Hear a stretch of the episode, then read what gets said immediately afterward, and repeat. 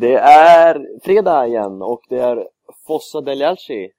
Det är en kvällsinspelning, klockan är halv sex och vi drar nu igång avsnitt nummer 60 med mig, David Faxå och Andreas Persson. Hej på dig!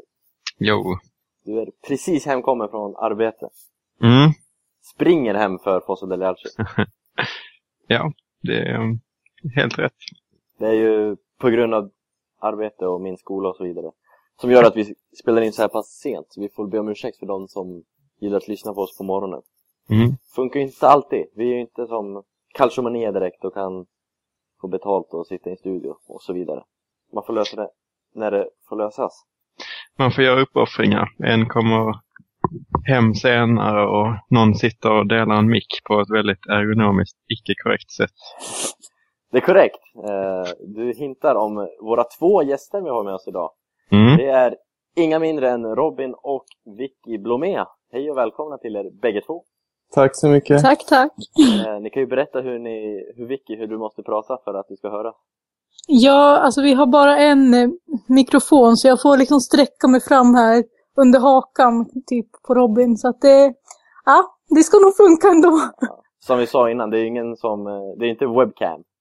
Vi har inte, Nej, vi har inte nej. introducerat det än så Nej, precis. Det är tur. Och när vi ändå ännu snackar på det, eller snackar om det Vi fick lite kommentarer om det var förra avsnittet eller om det var två avsnitt sedan Som tyckte att vi skulle spela in det här på Youtube eh, Och lägga upp det och skapa en egen Fosse de Larche Youtube-kanal och så vidare eh, För den som inte har förstått det så sitter vi alltså på tre olika orter idag eh, Jag är i Växjö, Andreas är väl i Eslöv antar jag I Lund. Du är i Lund? Mm. så pass. Eh, Det är ju klart där eftersom du jobbar där, det vet du Yes. Och Vicky och Robin är väl i Västerås antar jag? Stämmer bra det. Yes. Precis. Så det är lite svårt att spela in eh, med kamera. Det blir inte jättekul att titta på oss. Det Det är inte jättekul att kolla på oss tre separat. Så det är därför det bara är ljud. Så ni vet, med dagens avsnitt, det blir eh, Udinese förlust i Coppa Italia. Låter nästan positivt på rösten. Det är eh, Cagliari på söndag. Och sen har vi intressant Mercato. Två affärer att snacka om och flera rykten att diskutera. Så vi Mm. kör på! glory.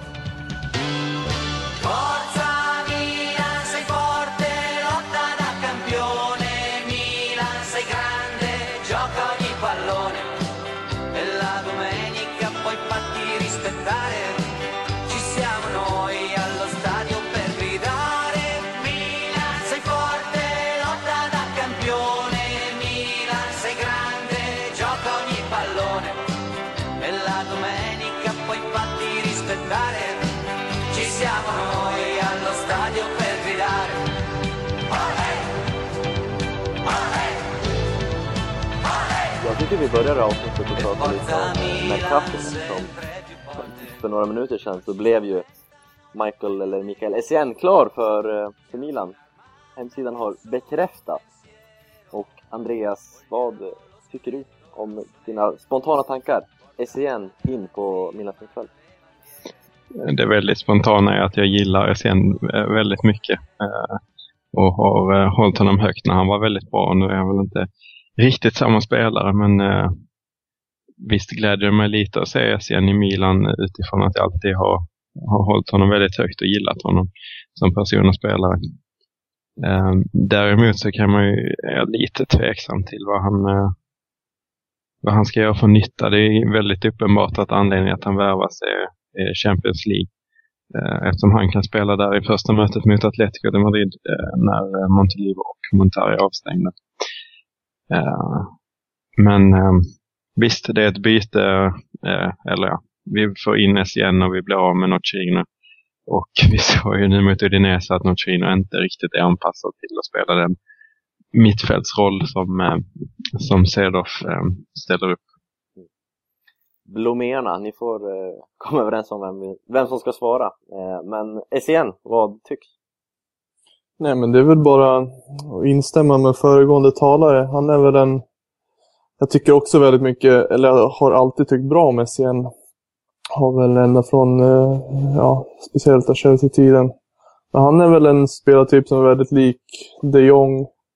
Mm. Eh, vinner mycket boll, städar undan. Han är väl ingen gudabenådad passningsspelare direkt då, men Eh, speciellt då att han kan spela i Champions League är väl det stora plusset. Eh, han är ju fortfarande en duktig fotbollsspelare. Med långt, han har, det var väl ett tag sedan han pikade. Mm. Men eh, om man nu får byta Nocerino mot SCN så skriver jag väl under på det bytet alla dagar i veckan. Sista talare Vicky, har du något annat? Ja, nej jag håller ju med på föregående, men ja, han behövs ju i Champions League för, på grund av avstängningar, men jag, jag känner ju också det att i övrigt vet jag inte riktigt hur mycket han ska tillföra.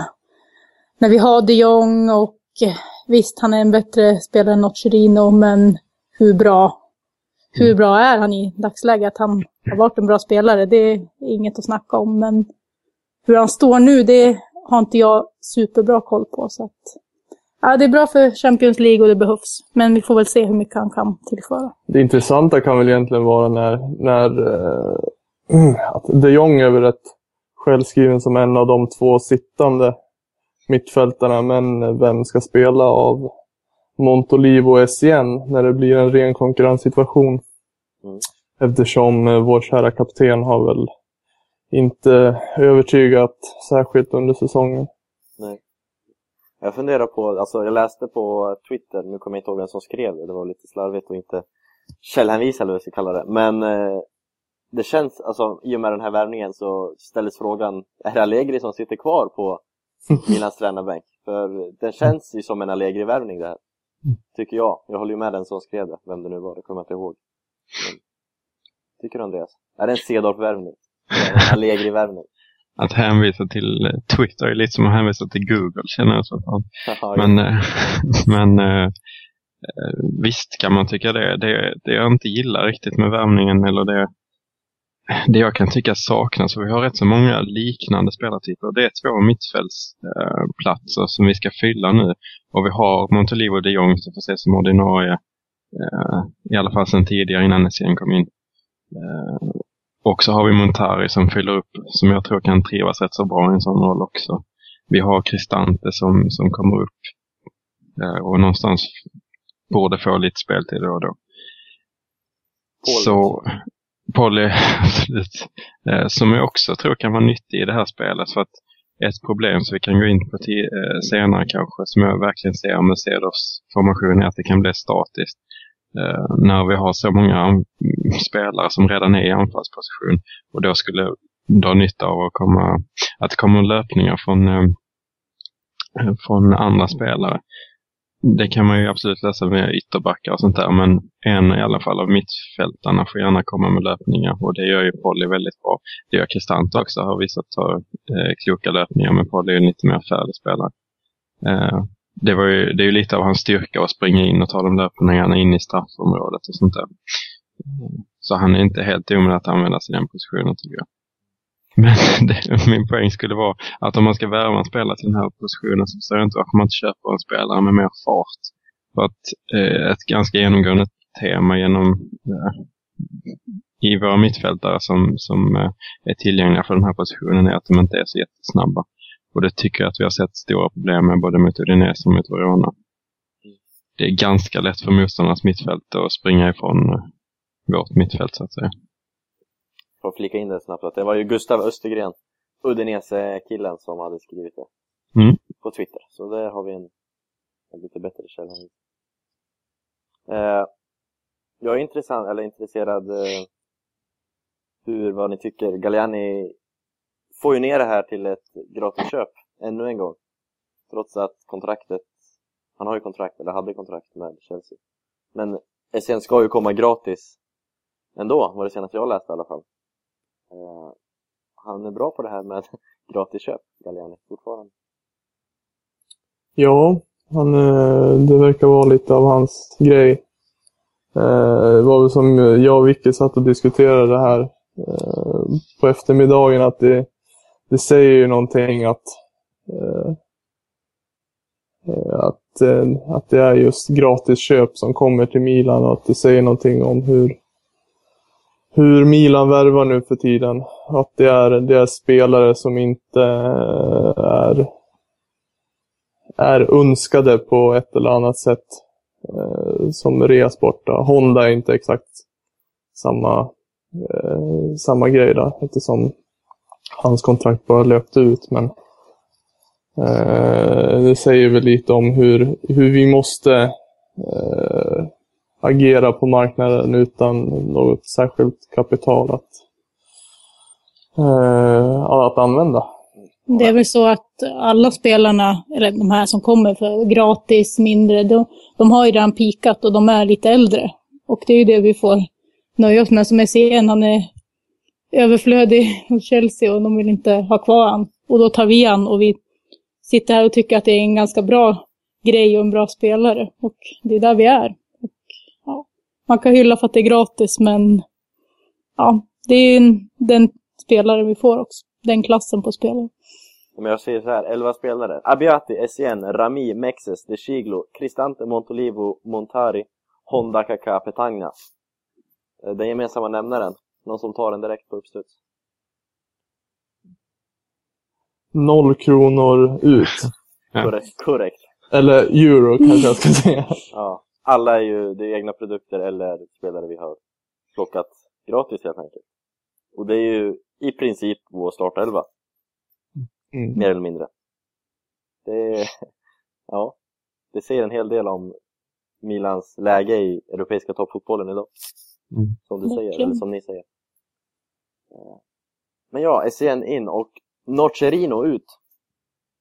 Vår, ja, min gammal favorit i alla fall, eller gammal, men han, han blev ju snabbt en publikfavorit Mm. året han kom. Sen har det bara gått neråt. Vad har ni för känslor nu när, när Noce lämnar? Andreas, om vi börjar med dig. Ja, alltså för- är ganska pragmatiskt till det. Alltså, han behövs inte och har varit väldigt, väldigt dålig sen, sen den där första säsongen. Men det är helt sant, då var han ju eh, älskad.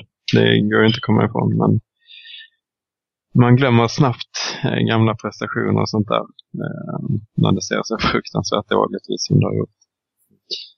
Så jag kan inte säga att jag gråter. Det gör jag inte. Ett bästa, bästa minne från Nocerino då, Robin? Det är väl eh, bästa minne. Det är svårt att ta ut ett.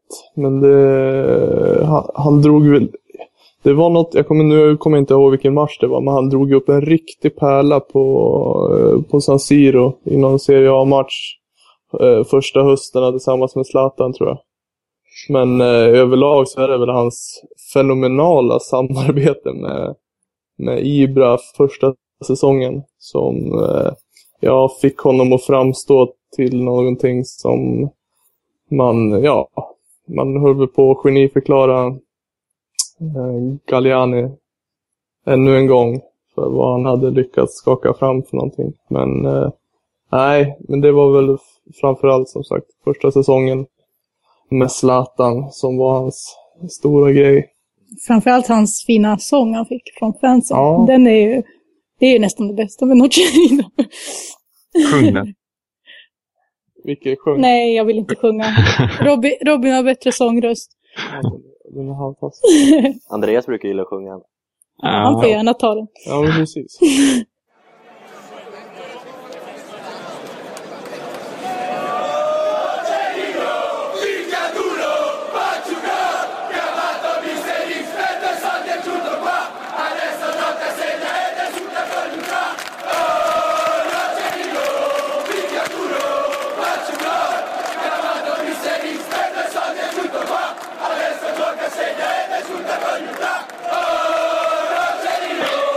Nej, men det, om jag ska flika in på minne så är det helt klart eh, den.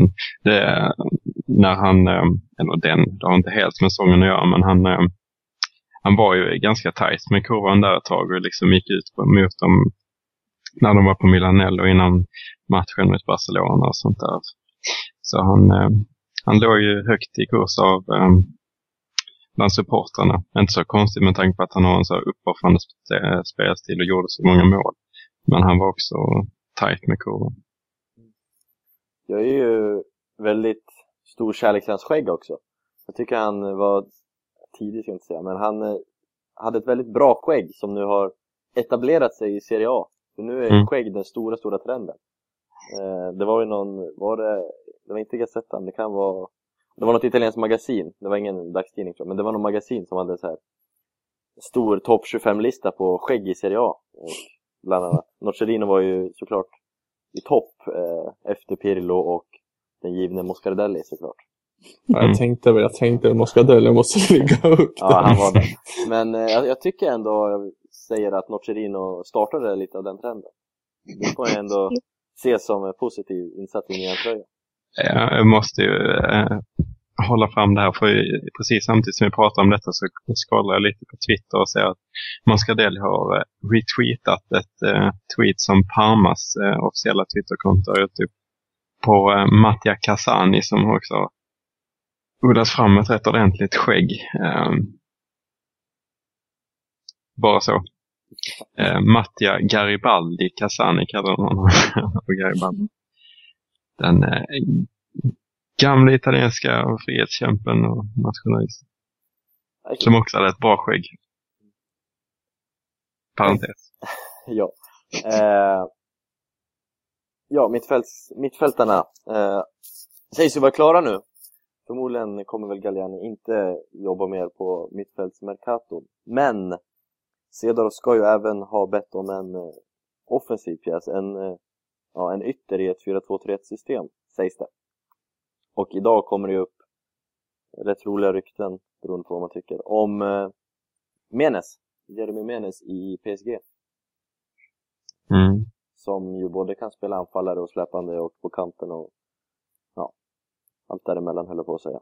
Men eh, PSG har ju överflöd på offensiva spelare och Menes får väl inte lida extremt mycket vad jag har sett. Eh, så PSG sägs ju kunna ge bort honom gratis redan nu, trots att hans kontrakt går ut i sommar. Och där kommer jag återigen in på gratis gratis grejen. Varför eh, inte liksom? Vad tycker ni om Menes i rödsvart? Vicky? Eh, ja, vi behöver ju in spelare med lite speed. Eh, precis som Andreas var inne på att vi skulle prata om. Eh, så att eh, på det sättet så, det är en spelartyp som kanske skulle vara nyttig. Eh, som kan ta löpningar och komma i fart. Och så att det inte blir så här statiskt som vi, som vi såg mot Hellas Verona och som det har sett ut lite eftersom vi har tre ganska lika spelartyper som har spelat offensivt där. Så att på det sättet, det är väl en spelartyp som är rätt. Sen om just han är den rätta spelaren för Milan, det har jag svårt att säga. Eh, personligen så, alltså, jag har väldigt, väldigt svårt för Menes som fotbollsspelare och som människa. Tycker han, det jag i Roma och även i PSG-landslag, det jag har sett, jag ser inte jättemycket PSG, men ah, det är en äcklig spelare, det är en grisig spelare alltså. Han är inte kul. Eh, ingen man kanske i första hand vill ha i laget. Nej, det är ett svin. Men det tyck, har jag för mig att du och jag pratade om, om van Bommel också Andreas. Mm. Ja, fast är det riktigt samma grej? Men visst, kanske, kanske.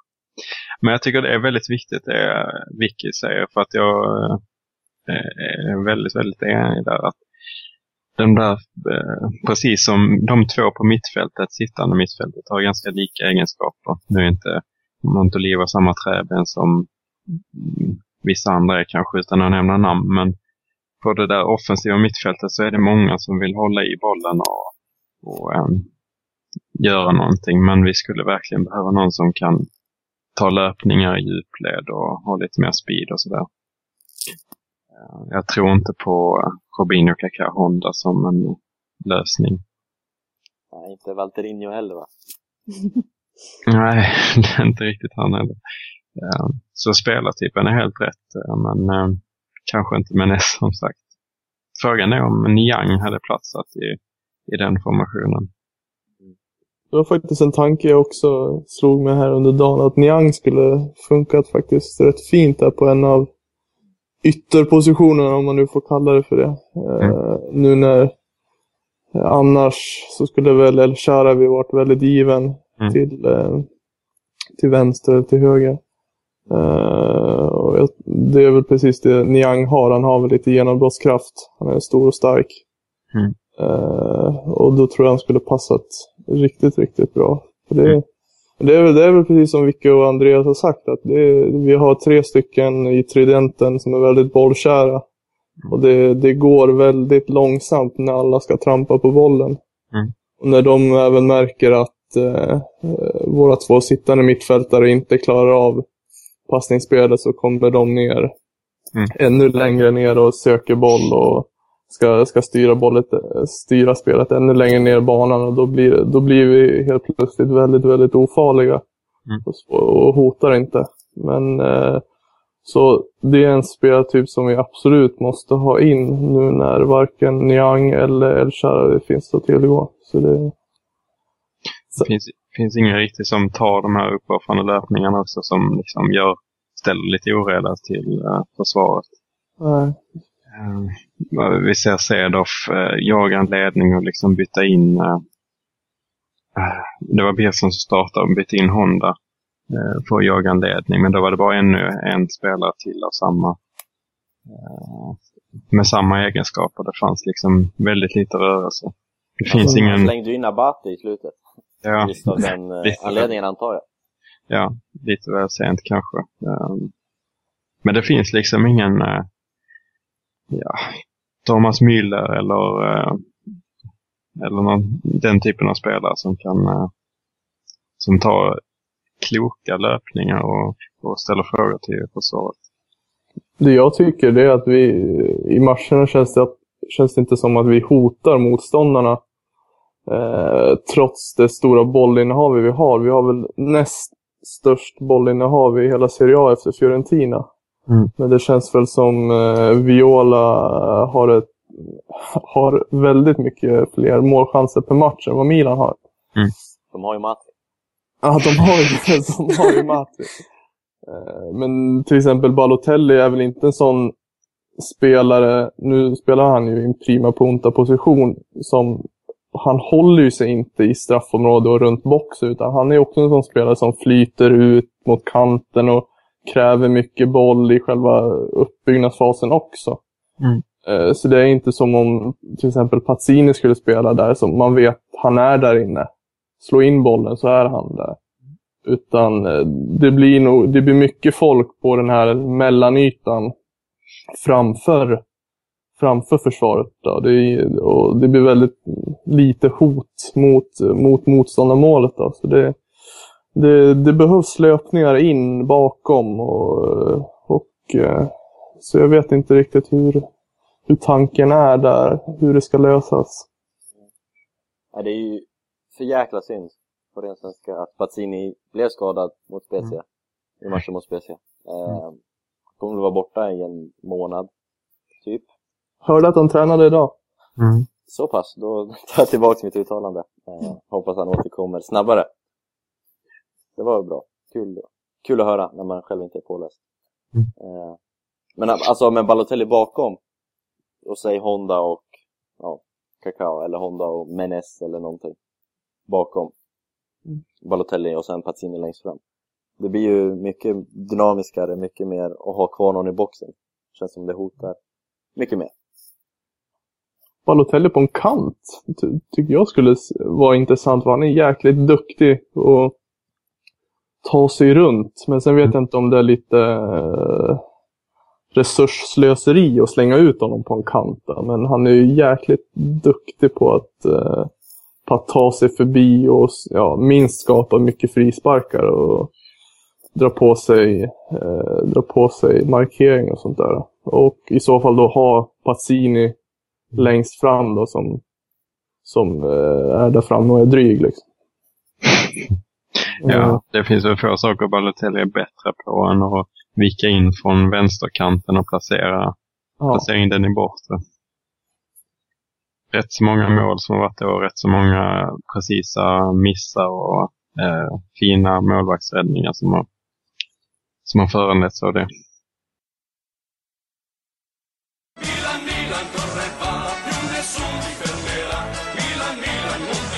Sista snack om Mercaton eh, tänkte vi ta om Bia Biany. Eh, Parma-spelaren som är ungefär världens snabbaste människa på jorden. Eh, det blir ju liksom, det är ju samma grej där. Där har vi om något fart och rörelse och hastighet.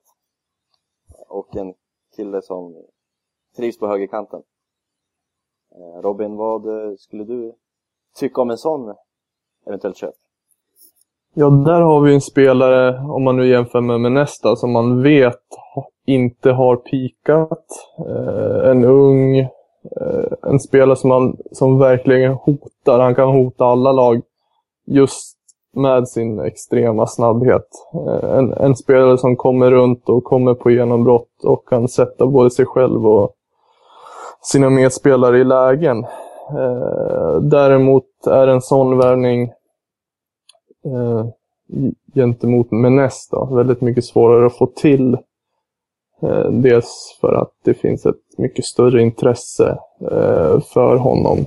Och eh, där har väl Juventus ryktats en längre tid vara eh, väldigt intresserade och det är väl den spelartypen som just de eftersöker också. Då. Så det, det, han kommer inte komma på free transfer och då blir det svårt. De här eh, kineserna sägs ju nu också, det är senaste ryktet, absolut senaste, från Di Marcio. Ska kineserna där, eh, där, eh, jag tappar namnet, Lippi.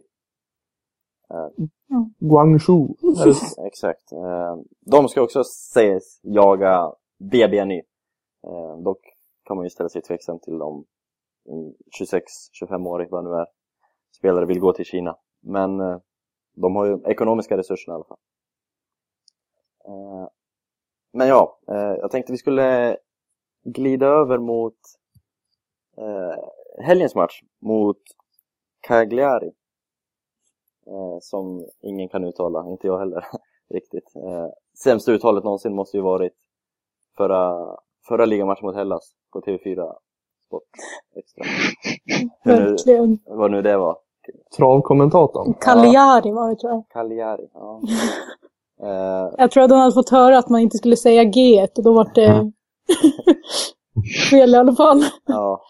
Ja, nej det är stökigt, stökigt uttal. Stökigt uttal på honom hela matchen där, men det behöver vi inte ta här. Han är inte här och kan försvara sig.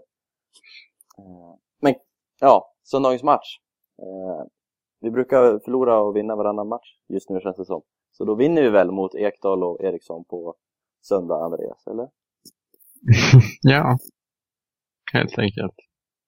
Uh, nej, men det, jag är väl lite inne på att ehm, det kommer jag har en god känsla helt enkelt inför den här matchen. Vi har um, några avstängningar i Cagliari och lite sånt där småturbulent i, i klubben. Uh, nu såg jag faktiskt att Pinias avstängning blir hävd, vilket är lite tråkigt.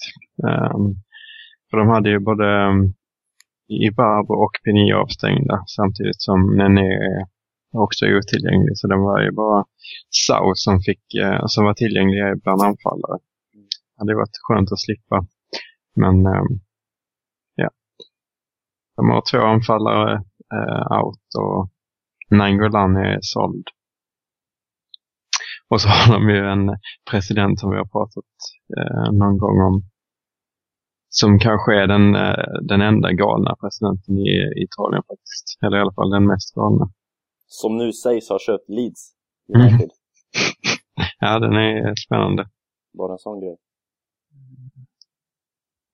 Han har ju eh, ifrågasatt varför eh, spelarna faktiskt vill spela i den här klubben när det ser ut så som det gör.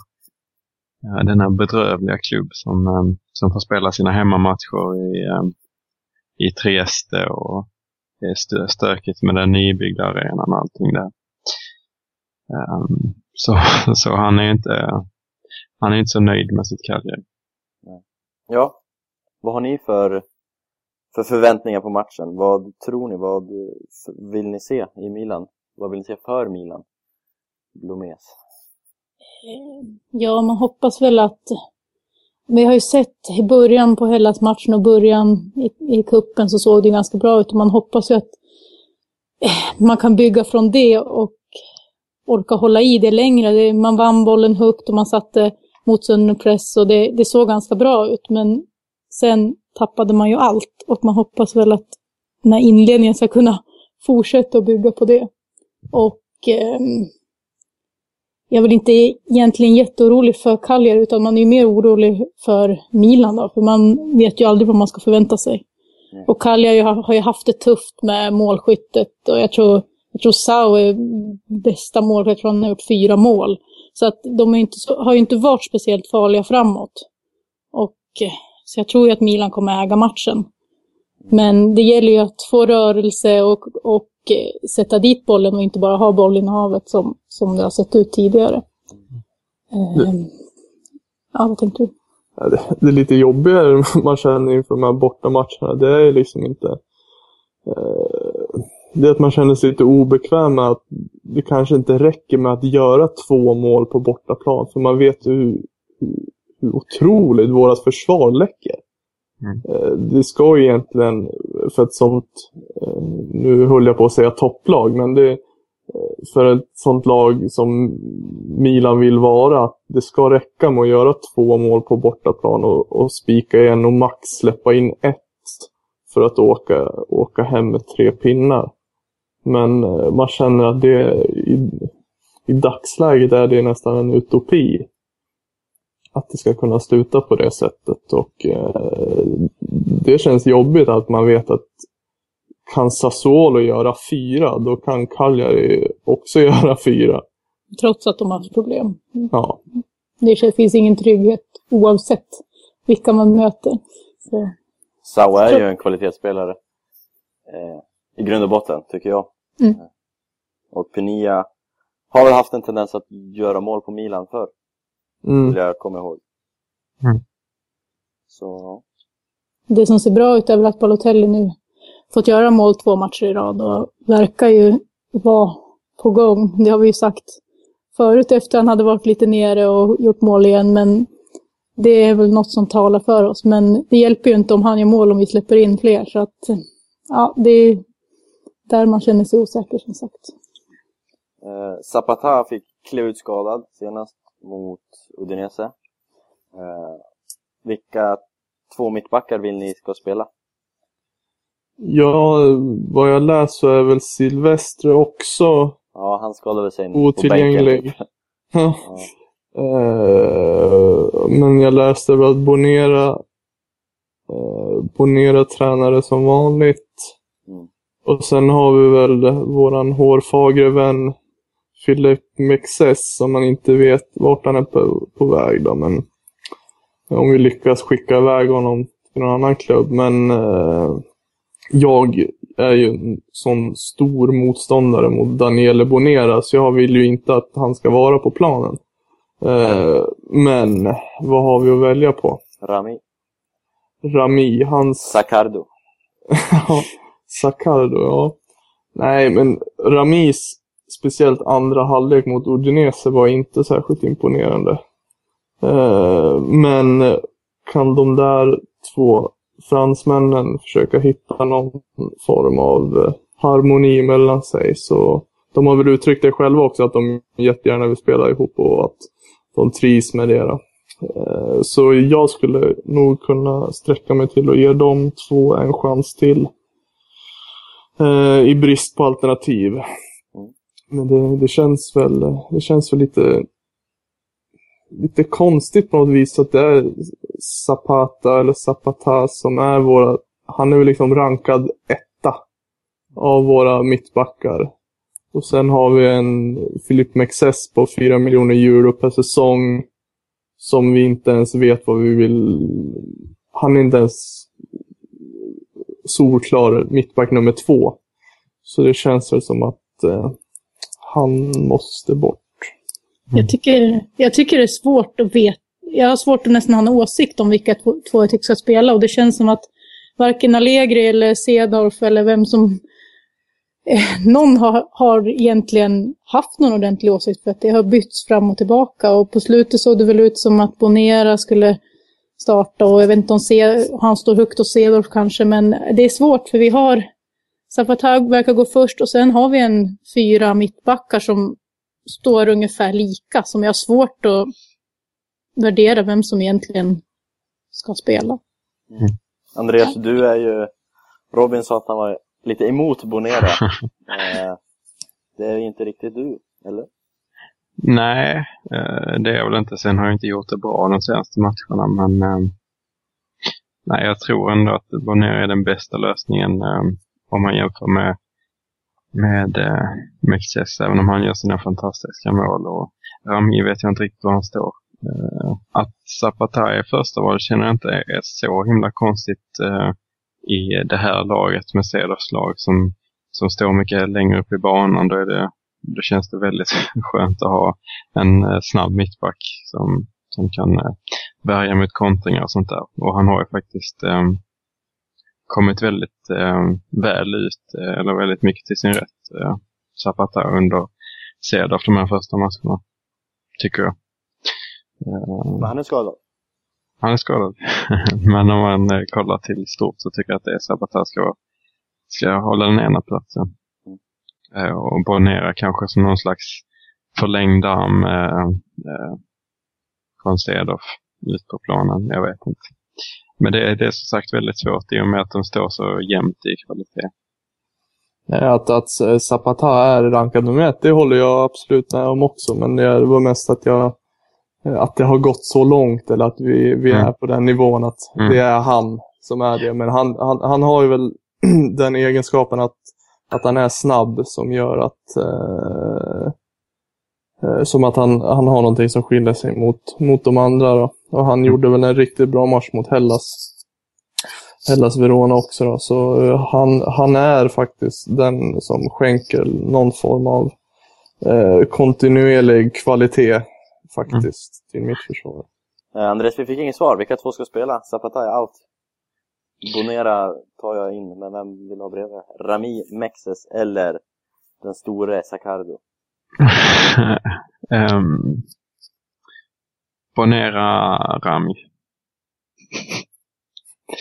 Alltså bara, alltså bara att vi har en sån här diskussion.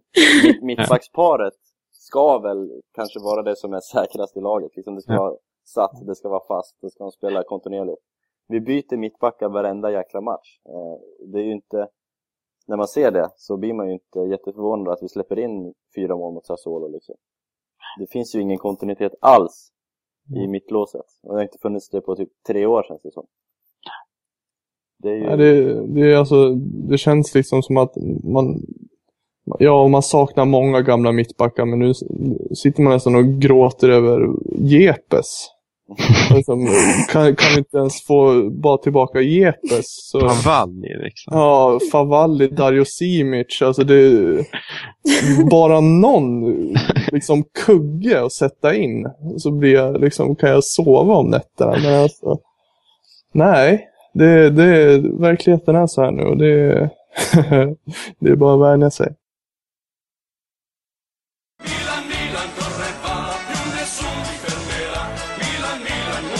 Coppa Italia sades vara ett mål för säsongen efter att det började som det började. Eh, Allegri sa väl det först och Cedorf, jag vet inte om han har uttalat sig om det, men han har inte förnekat i alla fall, eller sagt att det inte är något de prioriterar. Men det såg ju nästan ut som det efter säsongens kanske sämsta match från bägge lagen eh, mot Udinese när Milan åkte ut. Det var ju en rättvis seger för Udinese, men Udinese var ju och är ju riktigt, riktigt, riktigt usla de med just nu. Mm.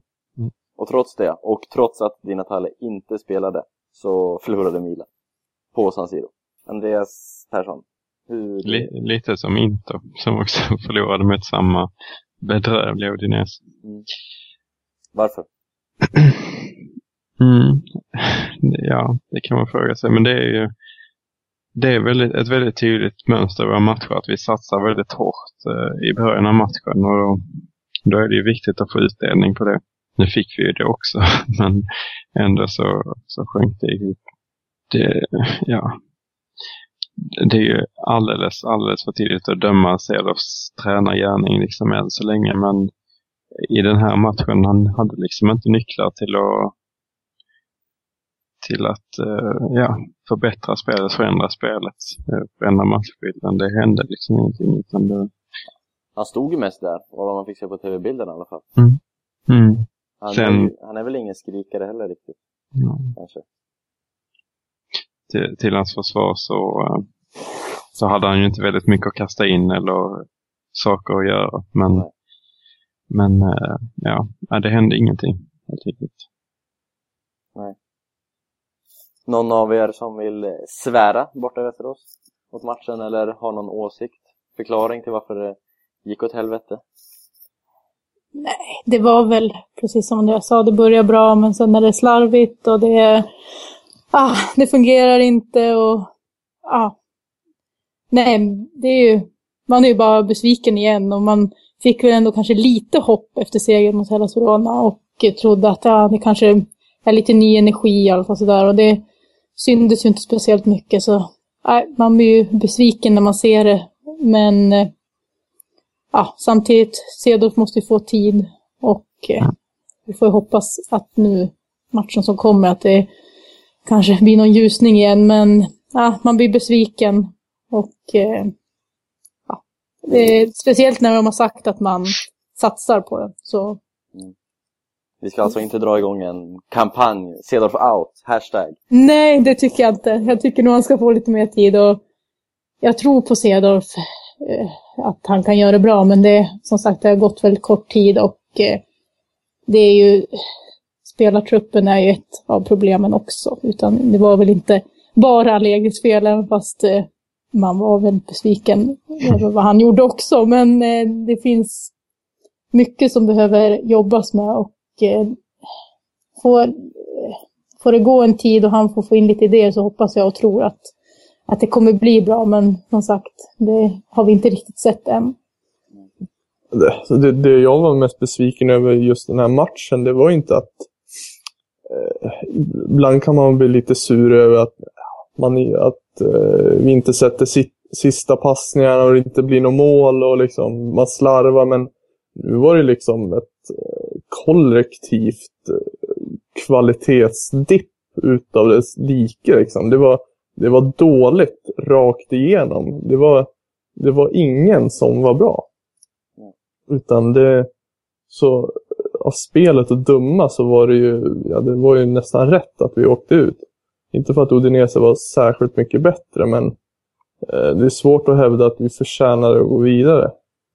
Eh, och av den första halvtimmen, lite mer kanske, som spelade mot Hellas så hoppades man i alla fall att det skulle finnas någonting att, precis som Vicky sa, att bygga vidare på. Att det skulle finnas någonting som spelarna också kände.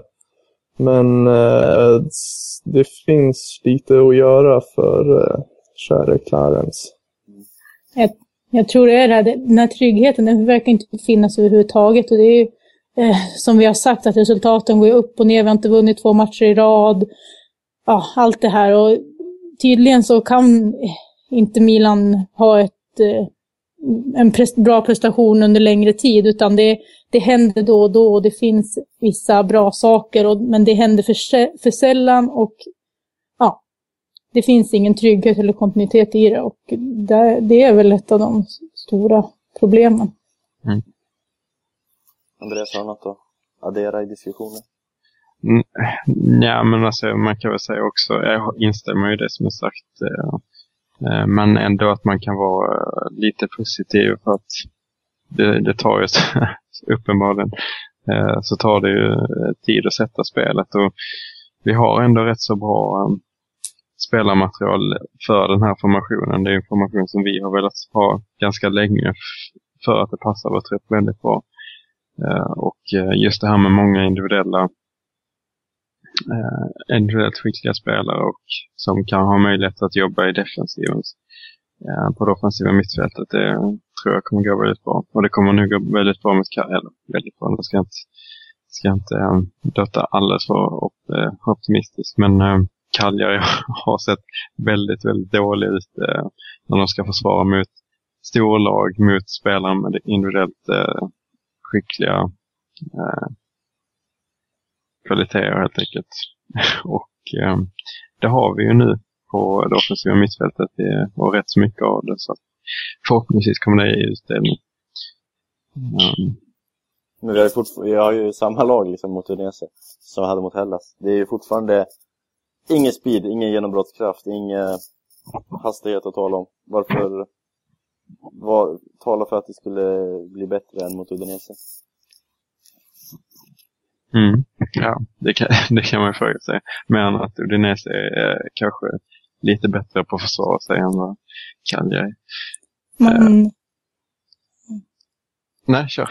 Nej, man kan, man kan ju hoppas att eh, eh, både Honda och Robinho som har spelat på kanten, eller om det blir Birsa eller hur det ser ut, kanske i alla fall fått lite direktiv om att gå mer i djup och hota mer. De är väl inga snabba spelare, men det finns ju i alla fall utrymme för att försöka till att göra mera och eh, ta sig förbi och, eh, och sådär, även fast man kanske inte är världens snabbaste. Så att man får hoppas att det eh, sätts mer press framåt och mer genombrott, mer löpningar trots att de är en annan spelartyp. Eh, det tycker man, de direktiven tycker man ju borde komma från Cedal.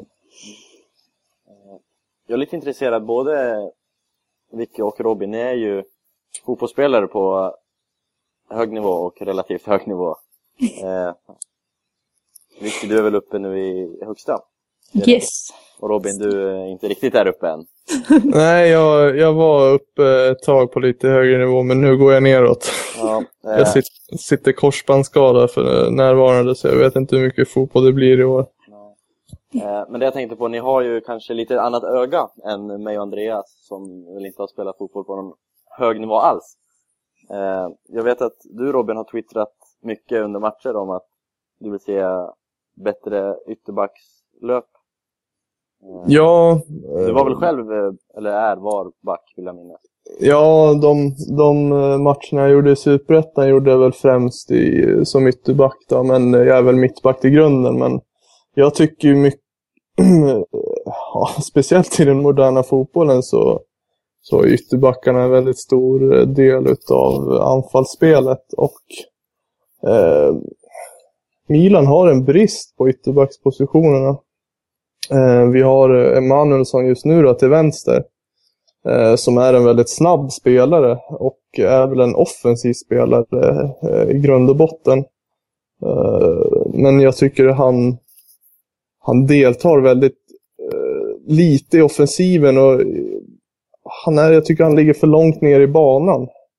Eh, jag tycker han skulle kunna samarbeta mycket mer tillsammans med en av en av yttrarna, till exempel Robinho eh, eller Kaká eller Honda eller vem det är nu som spelar på kanten eh, för att ja, lägga sig förbi, skapa två mot en och, eh, eh, och komma runt och slå inlägg. Då.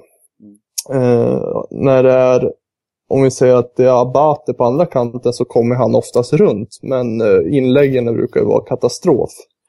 Eh, De Chilio är ju den ytterbacken som har, eh, han är väl kanske, han är väl bäst defensivt och har sin absoluta styrka där, men hans, eh, hans, hans svaghet är väl egentligen det offensiva. Han är, han, är, han är inte duktig på att komma runt sin yttermittfältare eller sin ytterback och slå inläggen. Då. Men Han har bra, han har bra fot. Men han har, precis, han, har, han har bättre fötter än de andra två, men eh, eh, jag tycker svagheten ligger där för att de behövs så mycket i, i, eh, i spelet och i uppbyggnaden. Att, att de, de två är ett hot så det blir fler spelare att hålla koll på för motståndarna. Mm. Men eh, just nu är det, är det verkligen inget hot utan en ren svaghet. Eh, och det var väl på gamla goda tiden höll jag på att säga. När, eh, för när eh, Pirlo, Gattuso, Cedric och grabbarna spelade, då, då skyt- skötte väl egentligen ytterbackarna allt form av kantspel. Eh, och eh, jag vet inte om det är lite så Cedorf egentligen vill att det ska vara. För de, den tridenten som spelar bakom Balotelli just nu är väl inga sådana som söker sig ut mot kanten. Eh, och då öppnas det ju luckor där på sidan för, då, för ytterbackarna att verkligen kunna äga de ytorna. Andres, vad tycker du om den? Ja, nej men eh, helt, jag håller helt med och eh, pratade lite om det i början av avsnittet. Men eh, eh det här samarbetet mellan Robinho och Emanuelsson är intressant. De hade ju några kombinationer, någon, eh, om det var Scudetto-säsongen eller säsongen efter.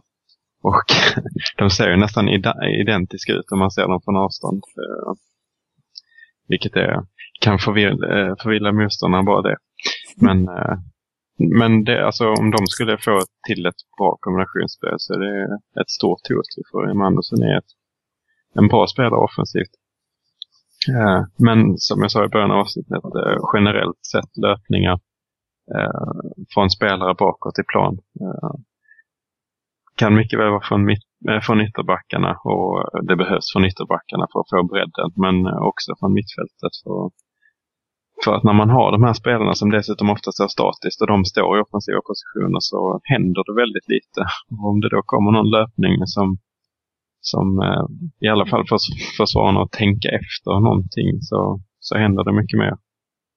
Och, eh, det blir passningsalternativ och det blir farliga lägen. Så att överlag är löpningar från andra spelare än de offensiva. Men eh, kanske i synnerhet då eh, ytterbackarna. Mm. Vi har ju också, trots allt, vi kritiserar ofta mittbackarna, men vi har ändå spelare som är rätt så skickliga tekniskt, så det är inte helt omöjligt att lyfta upp mittfältare och låta, låta mittbackarna liksom slå någon långboll eller diktera någon slags eh, tempo i matchen för att de kan hantera det. För, Eh, det är trots allt en styrka. Just då.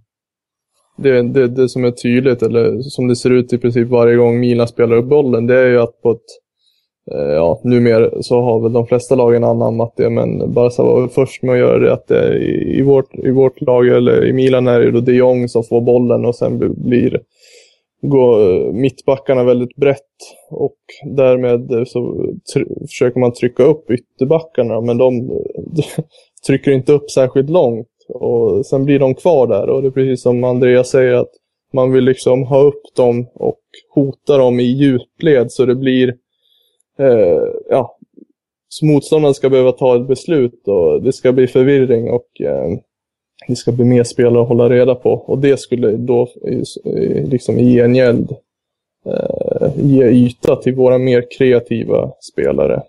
Mm. Offensiv plan. Mm. Och det, och det tror jag att det kommer att bli bättre för att det här tänker väl Cedorf också förmodligen. Eh, Men det kommer ju ta ett tag att gå från att spela som Allegri gör och spela som Cederfjord. gör. Det är naturligtvis.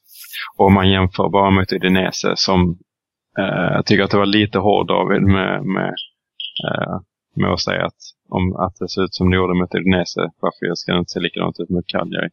Eh, så kommer förmodligen Honda spela från start och det, det är ändå vår nummer 10 som ändå tycker jag har lite mer löpkraft och är lite mer rivig än vad Birse är. Eh, det, det tror jag kommer att göra skillnad både. Bra. Eh, klockan tickar. Vi har snart pratat i en timme nästan och avsnittet är väl uppemot en 45 minuter, vilket brukar räcka. Det får vi jag ofta höra, att de lyssnar inte mer än 45-50 minuter. Så eh, Nu vart det ju en, eh, vart det en eh, taktikutläggning här nu, som, som drog över. på. Ja, men det är, det är, det är bara bra. Eh, Så att det är som sagt, jag tycker det är intressant att ha lite från hur ni spelare som kan spela fotboll också, hur ni tycker. ja, när man, man vet väl lite om hur, vad det får för konsekvenser, hur, eller hur, hur man, också hur man agerar som eh, försvarande lag eh, när anfallande lag eh, agerar på ett visst sätt, vilka, eh, vilka utmaningar man ställs inför. Precis. Eh, Men med det så får väl du och jag Andreas skicka ett stort tack till Vicky och Robin för medverkan. Tack själva, Ja, tack. alltid Mm, lika tack. kul att vara med. Kul att vara med. Hoppas att ja, det går bra med ledare och rygg och allt vad det är. Med dig Vicky. Jag fick prata i Ja. obekväma positioner. Ja, han har nog värre med sitt knä tror jag, så att det är Ja. nog okej med mig. Det, är, det får jämna ut sig då. Yes. Eh, Andreas, du och jag hörs om en vecka. Det gör vi. Och sen eh, vill jag slänga ut en sista påminnelse om eh, Fossa del Jalci-resan. Som eh, vi har mejlat om förra söndagen. Och det är flera av er som har svarat. Vi är tio bekräftade personnummer typ nu. Men ja, det är många av er som har sagt att ni vill med men som inte svarar på mejlet helt enkelt. Eh, så ni får gärna göra det as soon as possible. För vår racearrangör börjar tjata lite på oss. Av naturliga skäl. Så svara på mejlet, glöm inte det. Jätteviktigt om ni vill följa med. Och det var väl allt. Eh, Ni får en trevlig helg allihopa och tack för att ni har lyssnat. Adjö! Ciao. Ciao, ciao. Ciao.